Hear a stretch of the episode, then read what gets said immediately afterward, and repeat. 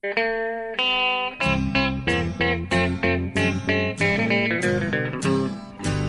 out there, we're on the air. It's hockey night tonight. Tension grows, the whistle blows, and the puck goes down the ice. The goalie jumps and the players bump, and the fans all go insane. Someone roars, Bobby scores at the good old hockey game. Oh, the good old hockey game is the best game you can name. And the best game you can name is the good old hockey Hallå, hallå, hallå, hallå, hallå! Då är det dags för NHL-podden igen. Det är på plats i Tampa Bay. Det är avsnitt nummer 68. Det är eh, Jaromir Jagr-avsnittet.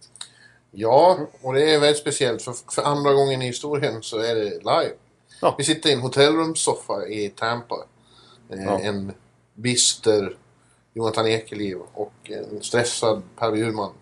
Jag är på väg eh, och ska åka härifrån. Jag ska åka till Chicago. Eh, så fort jag slipper ur ditt grepp här. Ja, precis. Jag har fångat upp det här nu precis innan. Du ska ju till Chicago och kanske, tyvärr för min del, det kan ju ta slut redan imorgon. Ju lite, lite fiasko här känns det som att jag kommer hit och så blir det Ekeliv-effekten och så blir det torsk och så blir det Kutjerov skadad och, och Bishop släpper in soft goals. Ja. Ja, du tog ju en liten chansning när du eh, bestämde dig för att åka hit. Ja. Eh, eh, på enorma strapatser. Eh, Ja, över, över Atlanten. Jättelång flygning. ja. Och du kommer hit och eh, ja, de gör sin klart sämsta match i finalen. I Game 5. Ja, eh, jag, ska, jag måste ju säga något. Det är ju sjukt...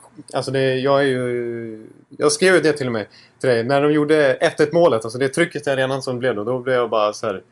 Då var jag så uppe i varv så jag skrev det här är värt flygbiljetten gånger tre. Ja, ja, Ja, men det var, det var ju sjukt coolt. Det, det var ju mäktigt att uppleva den här OS OS-invigningen till intro de hade live. ja. Som börjar liksom en halvtimme innan pucken släpps. Det är ju rena rama liksom, pyroteknik-showen i princip. Nej, men det är ju de där ice projection och allt vad det är. Eh, ja, det, ja, jag, tycker, jag tycker det var coolt att vara på plats. Och framförallt att det liksom är Go Bolts-logos överallt i stan. Man kliver in på liksom på eh, typ eh, så här, på recepten när man, man beställt på restaurangen så står det Go Bolts också. Det är överallt. Och liksom. det, det, jag är ju van vid att det är ungefär 11 svenskar hemma där jag är på Tampa Bay totalt sett av 9 miljoner. Men här är det ju överallt. ja. Det är det bästa. Jo, du sa ju det igår och man ser det ju på dig också. Att det, eh, efter, eh, efter att det är två slutspelsmånader och gått omkring i ett Stockholm där ingen förstår någonting Nej. den här passionen för ett hockeylag i Florida så, eh, så är du plötsligt mitt i, i hjärtat av Tampa Bay Lightning eh, eh.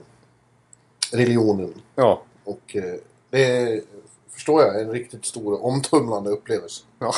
Det enda som är synd är att precis som hemma så är första frågan man får här är så här, Vad i hell... Varför hejar du på Tampa Bay Lightning? Vad, vad, vad? Ja. Jo, det är, det är ingen som förstår. Nej, det Du har aldrig riktigt gett någon bra förklaring heller, jättedålig förklaring. Jag orkar inte ens gå in på det. För det är, jag, jag, jag lyckas virra bort mig varje gång jag ska förklara det. Men det, det är hjärtat som eh, hör hemma där. Ja. ja, men som sagt tyvärr då så fick vi inte se någon bra match. Och risken är att du har åkt till Tampa för att för att se bara den här matchen. Och sen så får du gå här och dra fram till på torsdag. Ja, Utan exakt. att det händer någonting. Ja, jag har ju bokat flygbiljetten till torsdag för jag var ju säker på att det eller, jag vill ju inte ta risken att missa en Game 7. Mm. Så att eh, vi får se hur jag ska lösa det här. Om, det, om jag får gå runt här och spatsera i downtown där det inte, som inte är jättelivat. Det kan man inte säga. Nej, då, men då får du ju hitta på. Du känner ju Ja. folk här som kan Ja. ta ut dig på stränder och... Ja, Och det, annat. det, klimatet är det inget fel på i alla fall. Nej. Det kan man inte säga. Ja, Men eh, ja, som sagt. Du fick se Game 5 och jag hävdade då att eh, eh, Tampa gjorde åtminstone bitvis sin klart eh, sämsta final. Jag skrev innan att skillnaden mot den tidigare serien är att eh, eh, Tampa har lärt sig att de inte har råd med några eh, plattmatcher som de hade mot Detroit och, och Rangers framförallt. Eh, och just när jag skrev det så kom den då förstås. Eh, jag håller med dig lite grann där. För att, alltså, inte hela matchen, men första perioden framförallt. ja, Då var de ju bedrövliga och låg under med 11-2 i skott efter sju minuter. ja, exakt. Ja, det var ju samtidigt så att Chicago gjorde sin bästa finalperiod då. Utan tvekan. Ja, ja, precis. Ja, det är som du sa precis innan vi började spela in att de är lite, så- alltså Chicago känns lite som Tysklands fotbollslandslag. Liksom. Ja, Den eh, koncentrationen, den fokus de har när det verkligen gäller. Liksom. ja. Och de, eh, de är ju lite tjuriga lite sådär jobbiga att ha att göra med. Liksom. Ja. Nä, nästan. Eh, men de liksom fattar ju när det, när det är de ska lägga ton... Ja, när de ska koncentrera sig, när det verkligen är Ja, klatsch. och de blir bara bättre och bättre ju eh, längre in de tränger i de här serierna och ju mer som står på spel. Eh, det är tyvärr bara så. Nu har ju, nu har ju Tampa också varit där tidigare. De har ju kommit igen från de här Svackorna. ja, svackorna och bistra underlägen. Även mot Detroit låg de under med 3-2 efter fem matcher. Precis. Skulle åka till Detroit och sen komma tillbaka och spela en Game 7. Eh, det är ju bara det att eh, Detroit är inte samma sak som Chicago. Nej, nej tyvärr. Jag försöker ändå se hopp, hoppet där. att Det var ju precis som mot Detroit. Då, hade vi, då, var det, och då var det tungt för då hade vi åkt på stor förlust i, också i Game 5. Ja. Men det är klart, det är en helt annan sak i den här Chicago-serien. Så är det bara. Men eh, ja, om vi börjar med att koncentrera oss på den här Game 5. Vad var det som gick fel? Jag tycker att... Eh, ja, dels så... Ja, de börjar väldigt svagt, tycker jag. Ja, Envisar sig med att hävda då. De såg ju lite förvirrade ut nästan. ja precis. Eh, nej, det var, det var och Chicago precis tvärtom då. Men eh, sen, så, sen så, det här målet som kommer till slut. Mm. Eh, som ju naturligtvis är extremt olyckligt att, eh, att Bishop... Ja, det, är- det, är ju, det är en kommunikationsmiss, men framförallt är det ju Bishops fel. Han, Ja, det är, ja verkligen.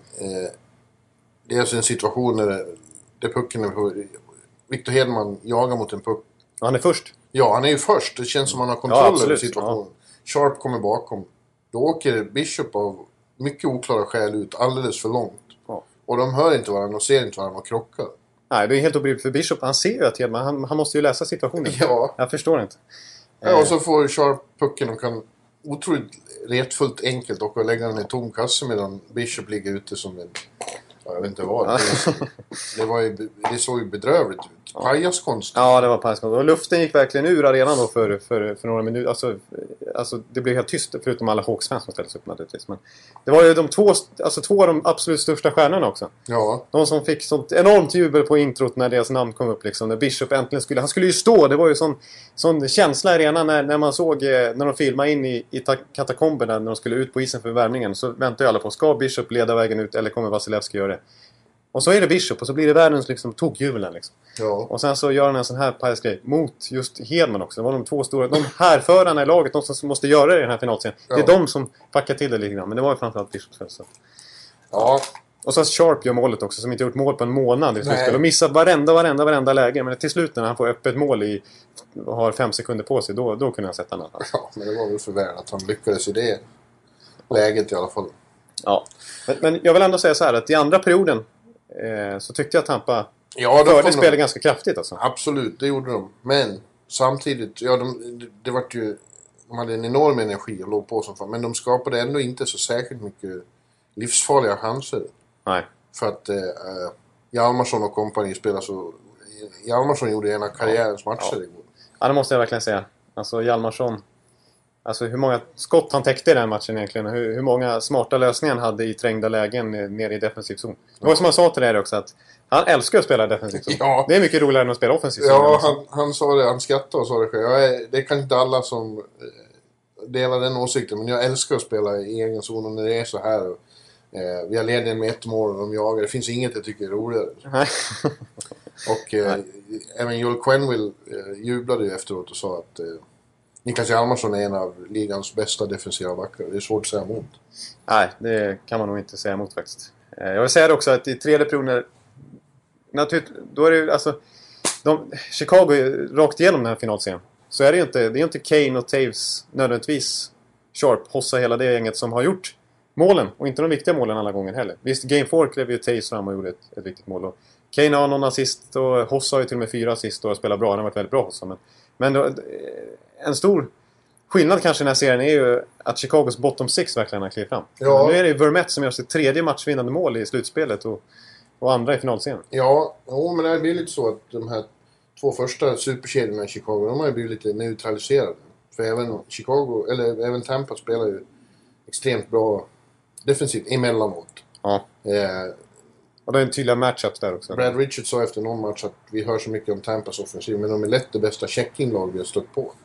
Ja, det var eh, lite överraskande att höra. Det kanske inte egentligen om man tittar på isen, men med tanke på vad, hur liksom, tongångarna har gått liksom, tidigare i slutspelet. Alltså, Ja. att, men äh, det är visst. Det det är ju två lag som har sån otrolig fart i båda riktningarna. Liksom, så att, då blir det ju en bra checking framåt Mm. också.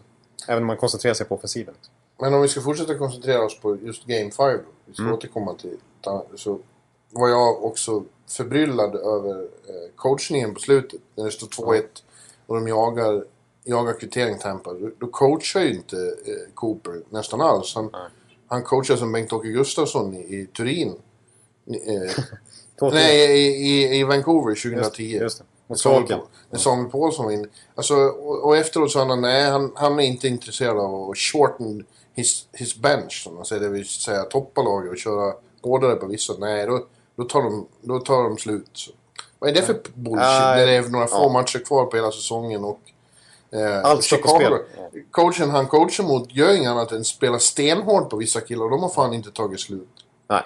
Nej. Och grejen är så här att jag, jag satt ju faktiskt... Det här är, tror jag är en nyhet för dig. Men jag, jag blev ju nedkuppad att sitta precis bakom Chicago-båset. Alltså första raden. Varför det? Ja, det är jättekonstigt. Det var, jag, jag satt där med några amerikanska... Först att du torrladar upp, eller hur? Precis, först att jag 12 rader upp. Sen blev det den där bänkraden längst ner. Den blev helt eh, tom. Och då sa, de, då sa mina kollegor, liksom vänner där bredvid det, bara, Nu måste du passa på att sitta precis bakom. Det var i och för sig fel bås. Det var ju Chicago-båset. Men det var ändå rätt coolt. Så jag satt ju där. Jag såg ju halvdåligt. Men det stod ju mot i alla fall. Hör man då vad de säger? Ja, jag, jag hörde lite svagt eh, vad de sa. Framförallt så satt jag ju precis bakom backarna. Jag satt precis...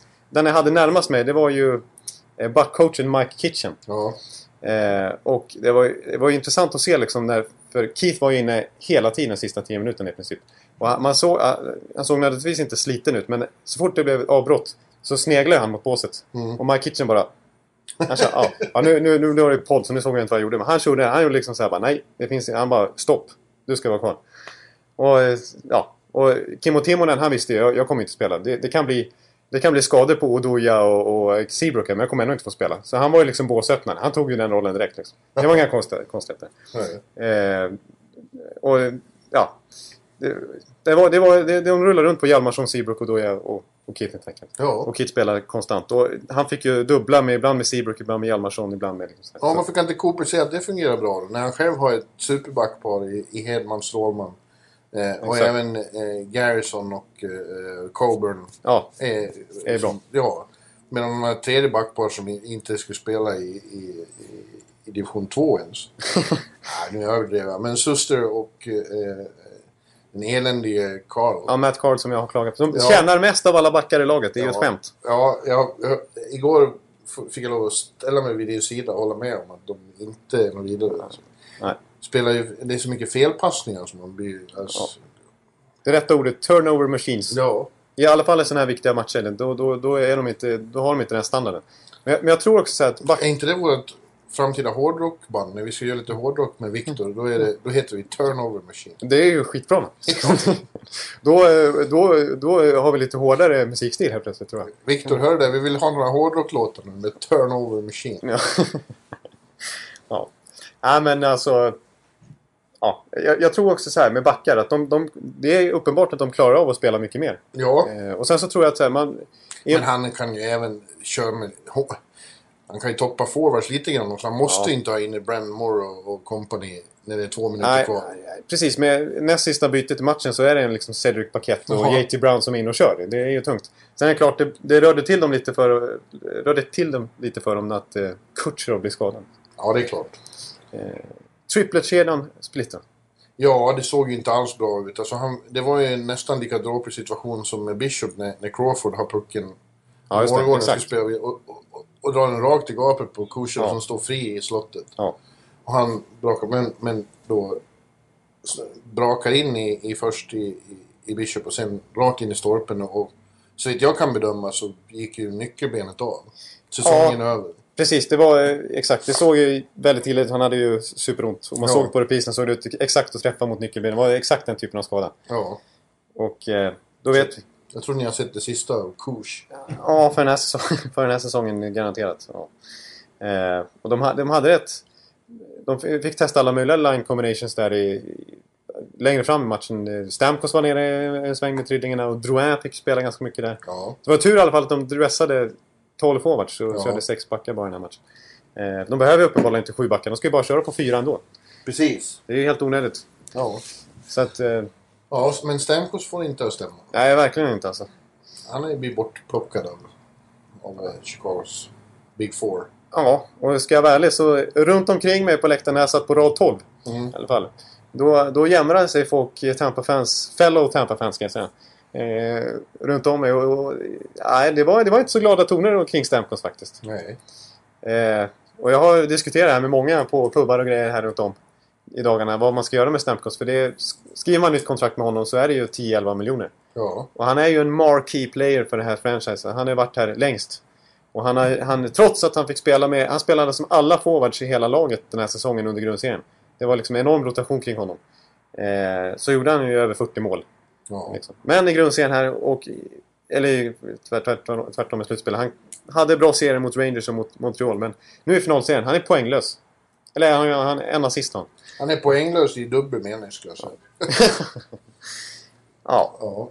Sen, sen försvararna, som jag kan stämma in i lite grann i alla fall, det är ju att han är ju, han är ju bra ledare till, på så vis att han ändå försöker leda på exempel på andra sätt genom att tacklas mycket och jobba hem hårt och eh, liksom svara på rätt sätt i media och sådär och, och försöka liksom ändå föregå med gott exempel. Men det är ändå i målprotokollet det, det betyder som mest. Och där Ja. är han, lyser han ju fullständigt med sin frånvaro. Han skapar inte en speciellt bra chanser. Det var i och för sig nära i Game 4 där när Seabrooks klubba kom emellan från att det skulle bli förlängning där. Ja. Men eh, överlag så är Stamkos en icke-faktor i den här finalserien. ja, så far är han ju det. Men ja, bortsett från att det kan man ju kanske säga att Patrick Kane också då är eftersom han inte har gjort några poäng. Men grejen är att de, är ju, de ser ju till att eh, backarna har, eller för, motståndarna har, de har ju, de drar ju till sig attention hela tiden. Ja, ja. Eh, så det är inte så att de inte ska spelas liksom. Nej, nej exakt. Eh, och för, för Kane måste det ju vara extremt frustrerande att gå upp mot Victor Hedman hela tiden. För Victor har ju tagit bort honom helt. Ja. Och Det, det var ju ett tag sedan vi gjorde den här podcasten nu, vilket irriterade läsare har påpekat på Twitter. Men vi har, vi har haft tekniska problem eftersom jag sitter på hotell med väldigt kackig uppkoppling. Så det har inte gått. Nej. Och därmed har vi inte riktigt eh, pratat om Victor Hedmans braksuccé eh, här i, Nej, precis. Alltså, i, podcast, alltså i finalen. Han har ju varit, några matcher har han ju varit sån majestätisk kung så att det har tagits för givet att han kommer att vinna Conn Smythe. Ja. Eh, nu var han inte lika dominerande de två sista matcherna men, men vilket genombrott Victor har fått här. ja, absolut. Det är liksom...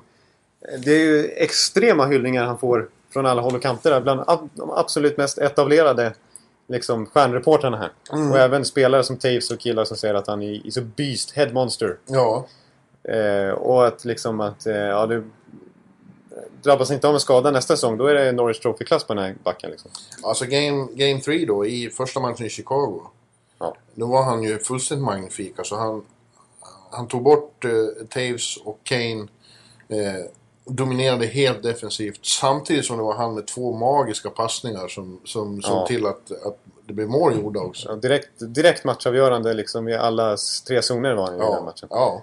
Eh, totalt dominant. Och han har ju sån extrem pondus och självförtroende nu också. Ja. Alltså, han, han, han, det är sjukt att se hur han bara, som du brukar säga, som en pansarkryssare bara ja. flyter fram genom eh, alla, liksom genom mittzonen och tar sig in här. Alltså, Ja, alltså det, det var ju flera som har sagt, till exempel vår vän Big Papa Wennerholm som jag har varit med i många år. Han har aldrig sett en svensk back dominera på så stor nivå en match, eh, inte ens lidas.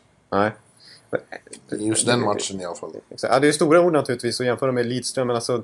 Han sa det att högsta nivån som Hedman håller Ja. är ju extremt hög alltså. Ja. Även i liksom, historiska mått mätt nästan. Eh, och det, han har ju en poäng där också i att eh, Lidströms första Norris Trophy av sju totalt var väl när han var 31 år. Ja, det är helt otroligt. Eh, 31 var han sin första och hinner med att vinna sju i alla fall. ja. Eh, Men det, Victor kommer att vinna Norris, men eh, det går inte längre. Alltså, det, när man passerar 30 så börjar det bli jobbigt för backar nu för tiden. För att det går så fort och är så... ja, Ja. ja det, det, så är det väl. Alltså det, men samtidigt, han, han, han är ju fortfarande bara 24 bast. Han Jo. fyller 25 nästa säsong. Han kommer att vinna Norris Trophies. Ja. Ja. det är flera som här, Pierre LeBrun och sådana här som kommer att säga att eh, om några år här, det kommer vara något år när alla Norris Trophy-nominerade är svenskar. Så var det självaste var det LeBrun som sa det? Nej, inte Maguire. Nej, McQuarrie skulle... Själ- Självaste McQuarrie, det var lite överdrivet. Han skulle bara komma och Ja. fråga vilka skolor de har gått. Ja, precis.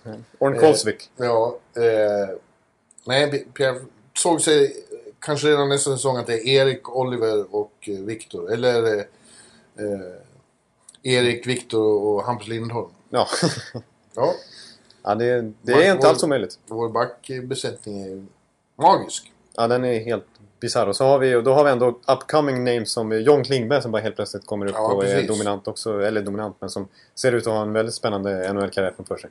Ja. Eh, Men du, eh, vi, vi sitter som sagt på mitt hotellrum här och eh, jag, jag har tappat bort den här Don't Disturb-skylten. Så rätt för det, och det börjar bli närma sig utcheckning, så rätt för det kommer det att knacka städerskor på här. Då får Ja. vi väl ha med det som live närvarokänsla när jag ropar We're not... Go away! ja. ja, det är bra. Det är bra. Vi får göra en John Tortorella i direktsändning här. Liksom. Ja. ja, men som sagt. Tampa har gjort det här bra, men nu ligger de risigt till. Eh, ligger under med 3-2. Chicago ska åka hem. Och det är lite speciellt med det här. Chicago har ju varit med om mycket. De har två titlar på, på några få år och kan ta tredje på sex år och verkligen etablera en dynasti Ja. i den här eran, vilket inte ska vara möjligt. De gör det ändå. Men grejen är, med allt de har varit med om så har de aldrig haft chansen att avgöra en final hemma i United Center. Nej, det är precis. Och eh, det här är ju århundradets match som kommer på måndag kväll i Chicago. Och det kommer att vara sånt sjukt tryck. Alltså jag, jag kan inte ens föreställa mig nationalsången, hur den kommer att vara i denna enorma Corneliusson. match. Ja, när Corneliusson kommer in. Och det vrålet som kommer att bli då, alltså. Jesus Christ. eh, Ja. Och eh, ja, eh, jag säger att det är 70-30 eller 80-20 till Chicago i den matchen. De brukar ju rise to the occasion. Som Ja, de, precis. Eller risa till the occasion som jag Ja, brukar säga. Ja, Ja. men eh, inte vet jag. Tampa har ju också varit väldigt bra i de matcherna på, på bortaplan. Ja. Eh, så att, eh, ja, jag hoppas ju för din skull att, ja, jag hoppas för allas vår skull att det blir en Game 7. Det vore ju fantastiskt i finalen. Exakt. Alltså, visst, man måste ha, lägga in eh, den lilla fotnoten här att det är faktiskt Chicago de möter den här gången. För det är ju ett helt annat lag. Ja. Men så har man ju sagt nästan, så sa man eh, även i förra serien när de mötte Rangers i Game 7 att det är inget lag som har vunnit en Game 7 här med. Madison Square Garden. Och, eh, de var riktigt eh, eh, under isen där i Detroit-serien när de inte spelade bra. När de eh, liksom, plattmatcher avlöste varandra och det var verkligen det här 0-4 mot Montreal året innan som var liksom spökade och det här är ett, ett chokel och det är nya San Jose var det många som... Ja. Det var liksom Tampa Bay Sharks som spelade mot eh, Detroit Red Wings. Och så kom de ändå tillbaka de två sista matcherna och vände på steken och avgjorde hemma och Bishop höll nollan och allt det. Ja, Så att... Eh, ja, jag är inte totalt sänkt än så länge. nej. Nej, vi får se. Det blir... Men de, det är alltså som sagt, det här är inte Detroit och det är inte New York Rangers heller. Det är Chicago Blackhawks. Ja. med en enorm eh, burning desire som Steven Stamkos brukar säga. Att få avgöra på hemmaplan inför sina vilda fans Ja. och sen få en parad för två miljoner inne i The Loop. Ja, Eh, det, alltså, och det, det måste jag säga, det märker man ju här. Alltså, det, Tampa har ju på ett mycket kontroversiellt sätt eh, försökt eh, stoppa ett antal.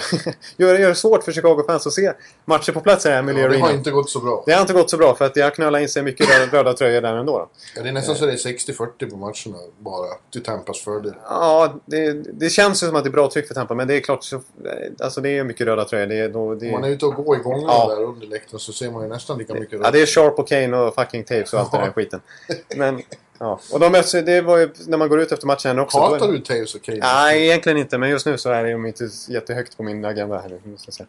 Men eh, ja, jag träffade lite Chicago-fans efter matchen igår också. Ja. De, är ju, de, är, de är ju, var ju glada i hågen och försökte övertala mig att eh, minst sagt Hjalmarsson, det är någonting du ska byta till. Ja, och Kryckan.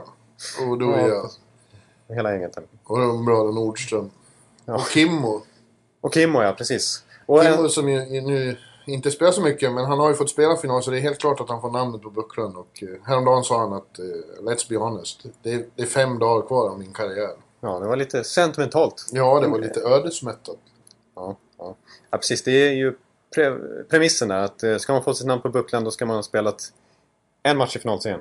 Eller Ja. 40 matcher tror jag i grundserien. 41. 41. Mm. Måste ha spelat hälften. Övriga slutspelsmatcher betyder tydligen ingenting. Men finalen Har man gjort Ja. ett byte i finalen. Då är det klart. Ja. Han har gjort ungefär fem byten i den här finalen. Ja, ja, han har gjort två matcher nu. Han var ju med i sista i Chicago. Så då hade han ett skott i ribban. Precis, han var faktiskt helt okej. Han drog på sig någon utvisning i början men sen så ådrog, fick han med sig en utvisning och så hade han skottet i ribban och det såg ganska bra ut. Då. Men sen gjorde han en fantastiskt fin eh, insats då i sista perioden igår också när han eh, öppnade dörren så fint och de få gånger Duncan Keith skulle ut och byta där. Så. Ja. Ja. Ja, det var lite häftigt att se. Det var lite kul också för att eh, det kan ha varit en Hawk-supporter som satt bredvid som hade en väldigt hög röst. Men jag fick en känsla av när jag satt där nere att när, när eh, publiken satte igång sina Let's Go Bolls-ramsor där eh, för allt vad de hade i sista, sista minuterna. Då hörde man... eh, Det lät som att det var en materialare som stod precis eh, tätt intill mig. Som så fort liksom, eh, det tonade ut lite där. Allt, för allt han, skrek, allt han var värd skrek Let's Go Hawks! Så att det var det som eh, Hawks-spelarna hörde istället. Så Ja. där jag satt så hörde, lät det snarare så att de som att det skrek materialare? Ja, eller någon sån här... eh, De, de, de har ju mycket folk där nere i gången som står och... Ja. Står, det var precis där vid, vid, den sidan jag satt liksom. Ja, det var Ja. sjukt. Men jag tyckte jag hörde din röst genom oväsendet när, när de hade presenterat alla spelarna i Monster-jumbotronen före matchen. Ja. Så tyckte jag att jag hörde ända upp på pressläktaren. När de sk- skrek, när det var Andrei Palats. Tyckte Ja. jag hörde ett Andrei! ja, jag har ju införskaffat en palatströja. Ja, Den ska få en fin plats när jag kommer hem någonstans. var du med och skrek ramsan där också som de körde gemensamt? Eh, I I, believe. Ja, kör den. Okej. Viktor, Ja. häng med nu. Det här kommer hårdrocklåten. Okej. I believe, I believe, I believe that, I believe that, I believe that we, I believe that we, I believe that we can win, I believe that we can win, I believe that we can win. En gång. Ja, det Ja. går ju så. Det låter som det är den jag brukar kalla tjeckisk ramsa. Ja, för du tyckte det lät som något tjeckiskt eh, påhitt där någonstans eh, innan du eh, utkristalliserade vad det var de sjöng egentligen. Ja. Ja, det är nog en konstig... De har ju faktiskt, det som jag kanske nämnt tidigare i podden här, att det finns ju... Jag tror det är sektion C17, jag kanske blandar ihop dem, som är lite av en ståplatsläktare på Tampa. Inte, inte riktigt, men det är en, en liten ultrasgrupp som de kallar sig, Sticks of Fire. Som försöker implementera lite nya ramser. Eh, Det går hyfsat ändå. Ja. Lite så europeisk stil. Eh, så att, eh, och den där har i alla fall satt sig. Så att den eh, kör de ju så, så ofta de kan. Ja. Eh, det sker Flexibility is great. That's why there's yoga. Flexibility for your insurance coverage is great too. That's why there's United Healthcare Insurance Plans. Underwritten by Golden Rule Insurance Company, United Healthcare Insurance Plans offer flexible, budget friendly coverage for medical, vision, dental, and more. One of these plans may be right for you if you're, say, between jobs, coming off your parents' plan, turning a side hustle into a full hustle, or even missed open enrollment. Want more flexibility? Find out more about United Healthcare Insurance Plans at uh1.com. sen då. då. Men, ja, men nu. Ja. Finalen ja. Ja, jag må- jag måste bara säga det. det, det apropå Chicagos klatsch och såna här grejer också. Det är sjukt att de, de har alltså... De, alltså när det, när det stod 2-1 till Tampa, när Tampa vann den första bortamatchen där. Eh, då var ju känslan... eh, Då ska man ju erkänna då att man, man blev ju rätt taggad här. Då, då, då fanns ju chansen att Tampa faktiskt skulle avgöra den här Game 5 som jag kom till här nu. Ja, Det fanns ju den chansen. Eh, men eh, det svänger snabbt. det svänger snabbt och grejen är att Chicago har av de fyra av de fem senaste slutspelserierna som de har legat under med 1-2 så har de ändå vunnit. Ja, det brukar vara så. Ja. Grejen är ju att om man ser till helheten här så är det nog kanske så att Tampa har spelat bättre.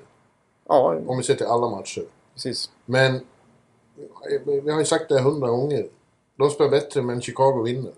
De Ja, kan det här. ja det, är, det är något random liksom. Och, eh, på något sätt så får de med sig lite sådana här konstiga mål som Bishop och Hedman-krocken också. Liksom. Ja, Det, och det var ju som Callan sa efter den matchen. Han vägrade att skylla på att det var någon fluke soft goal liksom. Utan han sa att You earn your luck. ja, ja, så är det. Det säger alla som har varit med ett tag. Ja, in- inte sådana som jag som är lite sådär... Som håller på och fortsätter att skylla på sådana grejer. Ja, Jag var ju lite det purken. säger alltid Zetterberg också. Man skapar sin egen tur. Ja, Jag var rätt purken efter eh, Game 4 när jag tyckte Tampa gjorde kanske sin bästa match i finalserien. Ja. Och ändå förlora med 2-1 där. Eh, det var typiskt. Men jag, ska säga, jag, ska, jag, må- jag måste få lyfta fram en av mina egna här också som, som jag för sig dissade lite tidigare här att han fick göra ett byte i slutminuten. Där. Cedric Paquette. Mm. Eller Baguetten, vad brukar jag kalla det? Paket brukar du säga. Jag brukar säga att det är paketlösning. Ja, just det. Du brukar ha några ordvitsar där som, som är lite Wennerholm-klass på dem. Ja, visst, visst. Ja, det, han är ju tacksam för det. Vilken, vilken ära att bli jämförd med Wennerholm när det kommer till ordvitsar. Ja. Ja, nej men han... Eh, När vi satt i Sochi och Tukarask gjorde en bra... Den där, den där kan man tuka att han ska ta. Ja, precis. Ja, exakt. Ja, det är vän av klass. Ja. ja, men eh, han har ju fått... Eh, Cooper har ju försökt. Han är ju inte... Man måste säga att Quenville leder coachmatchen ganska klart. Mm. Ver, verkligen.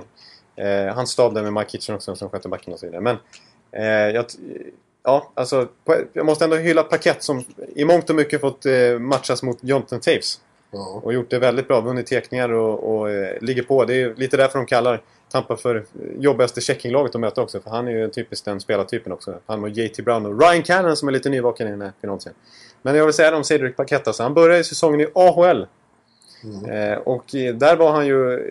Där var han ju inte en grinder utan där var han en, en målskytt. En riktig prima målskytt som spelade med Jonathan Marchessault och Jonathan Drouin några matcher. Ja. Och de eh, var ju totalt överlägsna och alla har ju blivit uppkallade under perioden i den här säsongen. Eh, men Cedric Paquette, han, han, i grund och botten är han lite av en sån här eh, liksom, eh, idiot. Alltså, spe- han, bara, han bara kör utan att tänka efter. Han är totalt bara en superbrunkare. Eh, och han fick ju för sig tidigare under säsongen att eh, ge sig på Zdeno Chara i en fight. Ja. Bland annat. Och det sket sig totalt. Han Ja, blev, det tror jag. Ja, han blev ju totalt eh, nedspöad. Och låg på isen och kved i princip. ja. Och, så skulle han, och när han klev upp, då skulle han hålla på och tjafsa med Brad Marchand som var där för att tånta han lite grann. Och säga liksom att vad håller du på med? Liksom. Eh, och efter matchen då, då fick ju både Paquette och Marchand och Chara frågan om det här. Liksom. Och allra hårdast i sina svar, det var Marchand. Han sa liksom att ja, den här eh, AHL-snubben, han, eh, han fattar inte vad han håller på med. Han har ju förmodligen inte ens koll på att vi ska möta Tampa tre gånger till den här säsongen. Han kommer ju få dunderstryk då, men det är säkert lugnt för honom. Han kommer ju ändå spela AHL nästa gång vi möts. Så det är lugnt. Men han har gjort det bra, säljer paket. Och jag vill, jag vill eh, ge en liten eh, varningens finger för det inför kommande säsong. Han är fortfarande ung, 93. Precis slagit sig in i NHL. Att det här är en kille som har fantastiskt fina eh, spelkvaliteter och spelsinne också. Det kan bli en, en, en poängspelande top 6-producent eh, av det här också. Och han, jag kommer ihåg när jag livestreamade deras Prospect Camp för några år sedan. Så var det Paket som dominerade totalt på den. Alltså det, det här är en kille med spelsinne också. Och grinding. Så det här kan bli en ny... Ska vi kalla han för? En, eh, en power forward. En, eh, en, en, en bättre version av Brad Marchand. Okej, ja. nu fick du det sagt. Ja. Ja. ja, men du. Mm. Vi ska prata lite annat också än finalen bara. ja. Det har hänt en del och eh, den stora snackisen i veckan har ju varit att det är problem i, i, Glendale i Arizona igen. Igen. Ja. Eh, de slöt ett avtal här för två år sedan med, med, med local government, staden i Glendale. Glendale City Council. Ja, och, men nu har de brutit det då. Ja. Eh, 15 års avtal var det. Ja. Två år tog det så. Ja, och, och det är väldigt komplicerat, komplicerat eh, riktigt vad det handlar om och så. Eh, men det handlar bland annat om att en, en som satt i City Council då eh, och hjälpte, trum, trummade igenom det här dealen. Han har sen dess blivit anställd av Arizona Coyotes. Ja, just det. Och då har, eh, det finns det en stadga i de lokala eh, förordningarna som säger att då kan man bryta avtal om sånt sker. Ja, just det. Mm. Men det är ett jävla liv nu och, och Batman har varit ute och sågat the local government. Så jag är inte orolig för NHL, jag är orolig för invånarna i Glendale som har en sån hemsk eh, stadsledning och sånt. Ja. Eh, eh, men alldeles oavsett så är det ju då plötsligt osäkert och det, och det blir bara värre och värre. Nu har ju Coyotes dessutom eh, eh, gått till domstol och begärt en restraining order. Ja. Som man brukar mot, mot spouses som Ja, precis. Det besöksförbud. Ja, ja. Väldigt, väldigt konstig term som dyker upp här mitt i, mitt i Arizona Coyotes. Ja. Liksom, ja. Så att, men, men, eh, och och då är det och så kommer de att kunna vara kvar. Så, men det känns så här, vad fan. Måste de fortsätta ta den här striden? När de inte bara drar därifrån? Ja. Precis, nu är, känner man sig Framförallt lite... från, eh, från Glendale. Kan de inte vara inne i Phoenix istället? Ja, exakt. Ja, det är extremt tumult kring det här. Det, det var liksom bara för några år sedan så var det ju... Gick ju NHL när de inte hade någon ägare och ingen Ja. ville köpa klubben. Och NHL fick gå in och, och ta över klubben. Och vi har ju sett... Det är ju därför eh, liksom Glendale vill bli av med laget också. För att det är en sån enorm förlustaffär. De blöder ju pengar verkligen. Ja. Eh, och eh, visst, jag, på, på vissa matcher där i, i Glendale och i Arizona tycker jag att det kan vara hyfsat tryck på läktarna. Och spelarna trivs ju väldigt bra eftersom att det är fantastiskt klimat där i The Valley. Ja, de älskar ju. De vill ju inte lämna eh, en sån som Oliver vill inte lämna Scottsdale där han bor och flytta till ett kallt Quebec. Nej, exakt. Eller till Seattle eller något sånt där. Liksom. Utan eh, det är ju... Det är, de, och jag menar Shane Jones har varit där hur länge som helst och skriver långtidskontrakt på långtidskontrakt och snackar om hur fantastiskt eh, underbart det är att bo där. Liksom. Ja. Eh, men... Eh, Men däremot vill ju alla andra klubbar, eller andra, andra spelare, att de försvinner någon annanstans för de dåliga siffrorna i Glendale gör ju att deras så kallade escrow eh, Ja. blir eländig. De får, de får hjälpa till ja, just det. och, och, och hålla den där klubben under armarna. Ja. Eh, men ja, jag, jag tycker att det är dags att, att, att liksom sätta upp händerna och säga sorry, nu orkar vi inte det här. Men vad, vad är poängen med att hålla på och, och Det och kommer kämpa? hända samma sak igen om två, tre år igen då i så Ja, fall. va- varför är det så otroligt viktigt att vara kvar där för, för NHL undrar man. Ja. När de uppenbarligen inte är riktigt välkomna. Nej, precis. Nej. Men, men eh, tycker du till och med att det kan vara läge, eh, alltså på sikt då, det, kan, det är ju svårt att genomföra på kort tid, men att flytta hela franchiset alltså, det, Ja, alltså det går ju på kort tid. 2011 så, Ja, då var det, gick det på hur rekordtid ja, då, då plötsligt fanns inte Atlanta Thrashers längre utan var Winnipeg Jets på en dag. Precis, och då var det, hette det ju att det var Arizona som låg illa till hela sommaren. Det var ju verkligen i deras djupaste kris där nästan. Ja. Och så helt plötsligt så, nej, det, det kommer inte lösa sig och de fick en ny leasing deal kanske och lite sådana grejer som var på gång. Då. Men, eh, och sen helt plötsligt var det ju Atlanta som hade kris. Och så på en månad kändes det som, så Ja. var det plötsligt Winnipeg Jets av det laget. Ja. Eh, så att... Eh, vi har ju Las Vegas som väntar också, men det är ju ett expansion-lag. ja, det tror man ju mer på att det blir expansion. Mm. Eh, ja, det verkar ju ske. Precis. Men Quebec, de har väl en, en superfin arena och sånt där på gång. Så det, det, alltså, skulle, skulle man till ett sånt drastiskt move så är väl Quebec ganska Ja. redo för att ta emot ett lag. Det är bara då att den här obalansen mellan öst och väst. Precis, Då ja, det är det. förmodligen flytta tillbaka Detroit till väst och det Exakt. vill inte de. Nej, ja, det är ju redan en ganska stor obalans där får man säga. Ja. Eh, Geografiskt alltså, mellan lagen. Det, ja, det är tufft. Men, eh, och det, sen är man ju inte helt sugen heller på att de ska flytta tillbaka till Phoenix, till den där Suns Arena, alltså där Phoenix Suns spelar. För den, Nej, är de ju är inte, tydligen inget bra. den passar inte för hockey. Nej. Och de har varit där i början av sin tid som NHL-franchise. Eh, Phoenix Scouts som de heter då. Eh, utan att det blev speciellt bra. Det var ju då de byggde den här Glendale-arenan. Ja. Som är ändå en rätt fin arena. På den tiden när den kom, det är väl 10-12 år sedan. som Den är fin. Den, är, ja, den har ju varit flera gånger. Det är ju ofta tomt på läktarna. Men Ja. det, är, det är en väldigt fin arena och en utmärkt pressläktare. Ja, det är det. Ja. Stor och härlig. Jag tycker det ser så fint ut när de zoomar in lite bilder utanför inför matcherna. Ja, man ser alla palmer och så, liksom, så Ja, här det är vackra. ljuvligt, ljuvligt att vara där och gå bland palmerna. Ja. Så att, eh, men eh, som sagt, eh, Arizona, vi, vi, vi två i alla fall, vi orkar inte så mycket mer längre i det här tjafset. Alltså. Det får, Men du, jag måste fråga, just den där Suns-arenan då. Vad, vad, vad var det som inte fungerade där? Jag den har jag inte varit i. Vad- Vad var det som inte var bra där? Ja, men det, den, den får väl delvis kritik för att eh, den inte är lämplig för hockey. Liksom. Och den är, har väl några år på nacken också.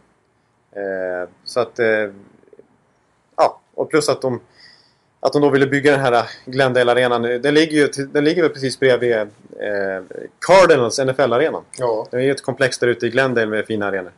Eh, så de hade väl en vision om att det skulle funka bättre. Liksom. vad den heter nu? Gila Ja, den har ett River. otroligt märkligt namn. Den hette, vad heter den? Gil, Gila River Ja. Arena eller sånt där. ja, men det är ändå bättre. Ett tag hette den Jobbing... Job, Jobbing.com. Ja, det var ju inte riktigt acceptabelt. Nästan eh, Falkenberg alkoholfri arenaklass på den. Ja. Ja. Ja, ja men... Eh, ja, vi kanske ska börja runda av lite här om du ska... ja, vi kan prata lite till. Ja, vi kör lite. Men du ska... Du har ju lite mer ämnen uppskrivna Ja. någonstans. Precis. ambitiöse yngling. Ja, en ambitiös... ja, men jag tänkte att vi skulle ta upp det lite grann med... Eh, det, det har ju gått en vecka sedan det här ryktet blossade upp och det har väl skjutits ner ganska kraftigt sedan dess. Men Elliot Friedman, som ni kanske känner till, var ju ute och eh, i radio, eh, det var Sportsnet tror jag han snackade i, och, när de pratade trader och den kommande off-season, vad som ska hända och sådär. Och han, han skrädde ju inte orden. Utan han- det var allt möjligt han, han, han hävde ur sig där. Eh, och den, den stora bomben om man, som man sa, det var ju då att, att Malkin ska eh, ja, inte trivas speciellt bra med sin situation i Pittsburgh just nu. Trots att han har kontrakt till 2022 Mm. och 9,5 miljoner per säsong. Och att han är öppen för a change of scenery. Eh, eh, och då blev det ju då blev det ju kakafoni på Twitter och så vidare. Och NHL-fans som direkt började spekulera i shit alltså. Och det var ju motståndarlagens fans som bara nu har vi chans att träda till oss den här killen. Liksom. Eh, men eh, det har ju snabbt skjutits ner då för att det, det finns ju väldigt många faktorer som pekar på att, att han inte kommer bli tradad. Inte minst för att han är Malkin och naturligtvis är en core-spelare i allra högsta grad med det, det kontrakt han har dessutom med Phoenix, eller i Pittsburgh. Eh, också för att han har en full no movement clause. Han har ju full bestämmande rätt vilket, vilken klubb han i så fall skulle bli bytt till. Och det kanske inte Pittsburgh går med, är så intresserad av på samma sätt. Nej. Eh, och eh, eh, dessutom har ju Elliot Friedman själv... Ja, så här ska jag säga också. Pittsburgh håller på att säljas. De ska få en ny ägare. Och kanske. Kanske, precis. Eh, och då brukar det inte vara så aktuellt att och helt plötsligt eh, trada sin bästa, en av sina bästa spelare. Då. Det, det ju, händer ju i princip aldrig. Eh, men, men i Ryssland så, så trendade ju till och med Elliot Friedman på Twitter ett tag efter, efter det här för att det blev sådana enorma spekulationer kring detta. Eh, men vi tror väl att, eller vi, vi kan väl slå fast att Malkin blir kvar i Pittsburgh. Ja, det blir han förmodligen. Men eh, det är inte helt grundlöst att spekulera i det därför att eh, eh, de, eh, den, den här idén om att ha två, två franchise-spelare som, som äter upp så mycket lön Ja. Eh, är inte nödvändigtvis jättelyckad. Nej, precis. Alltså, Chicago kommer förmodligen att få problem inom några år med Kane och Taves. som båda har alltså, 10,5 miljoner kontrakt. Ja. Det äter ju upp en eh, stor procentdel Ja, det av blir väldigt svårt lönekakan. när nya kontrakt ska skrivas och så. Eh, och, eh, Och det har ju varit ett, ett, ett problem för Pittsburgh är ju att det har varit svårt att hitta riktigt begåvade eh, wingers åt eh, Crosby. Precis. Och eh, de har ju ofta förlorat. Eh, de, de har ju åkt ut liksom lite så här. Nu mot Rangers var det ju väntat. Men tidigare final, serien när de åkte ut så har de alltså fem år i rad eh, åkt ut mot lag som varit sämre placerade i grundserien. Ja. Jag, jag ska inte säga att Pittsburgh har chokat, men de har i alla fall inte... Jo, det har de väl delvis. Ja, det kan man säga att de har gjort. De var i konferensfinal mot Boston och fick stryk med blev svepta. Det var en choke om något. Ja. Eh, och de har ju ofta haft problem med, med bredden liksom. Ja. Eh, ut, för att de inte riktigt kunnat fylla ut eh, övriga truppen med tillräckligt bra spelare. Nej, Inte minst i bottom six. nej Eh, så att eh, visst, det, det kan ju finnas en poäng i om de lyckas hitta en riktigt bra deal för Malkin, vilket förmodligen inte är omöjligt. För att, det, är ju en, det är ju verkligen en franchise-spelare, Malkin. Och det är ju många lag som, som är i skriande behov av en första center som liksom är uppenbar superstar. Toronto sägs det. Ja, Marken i Toronto. Det vore nog. ja det vore ju galet alltså. Alltså jag måste säga att jag tycker det känns konstigt att prata om de här lagen. Som inte, det känns som det är flera år sedan de var med. Nu Ja, är de framme i finalen. 93 liksom. Nej men alltså, när har kommit till, till och med konferensfinalerna så här, just det, Anaheim och Rangers. Det känns ju jättelänge sedan. ja, det går fort i Ja. tiden som bara den. Alltså. Man, man tänker, det, det känns verkligen länge sedan. Det finns bara Chicago och Tampa. Ja. ja. ja, men eh, och eh, man får väl ändå säga det som några påpekat också att Malkin... Alltså när, när Friedman ändå säger något, även om han skjuter ner där själv och sagt att han är little bit embarrassed to be attached to this rumor. Rumor. Eh, Rumor säger jag. Rumor. Alltså mitt, min, mitt uttal är ju undermåligt. Jag får ju själv för det här också i... i ja. Får du? Ja, lite grann. Det var någon eh, Chicago-fans där idag som sa att jag hade en otroligt underlig dialekt. Ja. Jag lät som någon sån här Sagan om ringen-figur när jag sa Jonathan. Det lät som någon alv eller något sånt där. Som... Ja, men ja, apropå det. Såg du under eh, matchintrot där båda bröderna Esposito var med i Jumbotron? Det var stort. Sa du då? Åh, Esposito. Esposito. Ja, för mig själv så, så sa jag det i alla fall. Jag vågar inte säga det högt. Nej. Ja, men eh, apropå Friedman så måste jag bara återkomma till att eh, han var ju inte så jättestolt över det här eh, uttalandet ändå som han eh, sa lite i skymundan. Men det är förmodligen ingen rök utan eld när ändå han säga någonting. Han har ju väldigt bra kontakter och brukar ligga hyfsat rätt till när han säger någonting. Men, men han sa ju dessutom att han tror att det kan bli att, att draft day trademässigt kommer bli, eh, och här nu kommer det upp en så här varningsmeddelande på datorn. här. Nu blev vi, men det är lugnt. Så. Eh, att det kommer bli a crazy day trademässigt. Det, det, det, det finns stor chans, eller risk eller man nu ser det, att det kommer vara stora trader och enorm aktivitet eh, i byteshandelmässigt eh, på draftdagen. Hoppas det. Inte draftdagen. Eller på det, jaha, i samband med Ja, draft. precis. Ja, han tänker Ja. det. Mm. Eh, han menar till exempel St. Louis kan vara väldigt aktiva. Att de är lite intresserade av nu i sommar, eh, i sommar att, eh, att identifiera ett nytt core. Att det kanske är dags att, att släppa iväg Backes, Berglund, Oshie och så vidare. Och sen eh, släppa fram nu verkligen Tarasenko, Schwartz och så vidare som den nya kärnan i laget. Ja. Eh, han nämnde Rangers också lite med deras cap-situation att det kan hända där. Jag menar, jag vet inte riktigt. Ja, det talas i Rangers, tar, eller i New York talas det om att Rick Nash kan vara on the, On the block. Ja, on the block. Ja. Trots sina 43 mål han var under grundserien. Men han var ju iskall. I grundserien, ska vi prata om den också? Ja, det var ju... Den helt ointressant. Ja, precis. Och han var ju... Han, Funkar det här nu? ja, det, det funkar. Ja. Det funkar. Jonathan Så- har, har sitt eh, inspelningsprogram uppe som jag aldrig har sett. Och det Nej. ser jävligt avancerat ut med kurvor och, och, och grejer. ja, det, det är stökigt. Ja, Men, ja. ja, men och det, det är spekulationer om... Eh, och Pittsburgh på andra sätt också, liksom, hur, hur de ska lösa sin framtid. Och, eh, ja, många, Toronto naturligtvis. Ja, Eh, så att... Eh, okej, mycket bytesaffär. Men sen, sen öppnas ju Free Agency några dagar senare också. Ja. Eh, och Agency är väl inte superhypat just i år för, på grund av att det är, det är de riktigt stora fiskarna kommer inte nå dit. Nej, men det finns några svenska namn det kommer att bli väldigt intressant kring. Mm. Boston har till exempel gjort klart att de inte kommer att resigna Carl Söderberg som du stod och pratade med i vintras. Och han trodde Ja. jag visste att han skulle bli kvar. Men, eh, Ja, han sa att eh, he loves it. Nej, han sa på svenska. Han älskar det ja. i Boston. men han blir inte kvar. Men alltså han, han får väl ganska lätt ett nytt jobb någonstans. Det får han ju säkert, garanterat. New Eh, Jersey ska han passa i.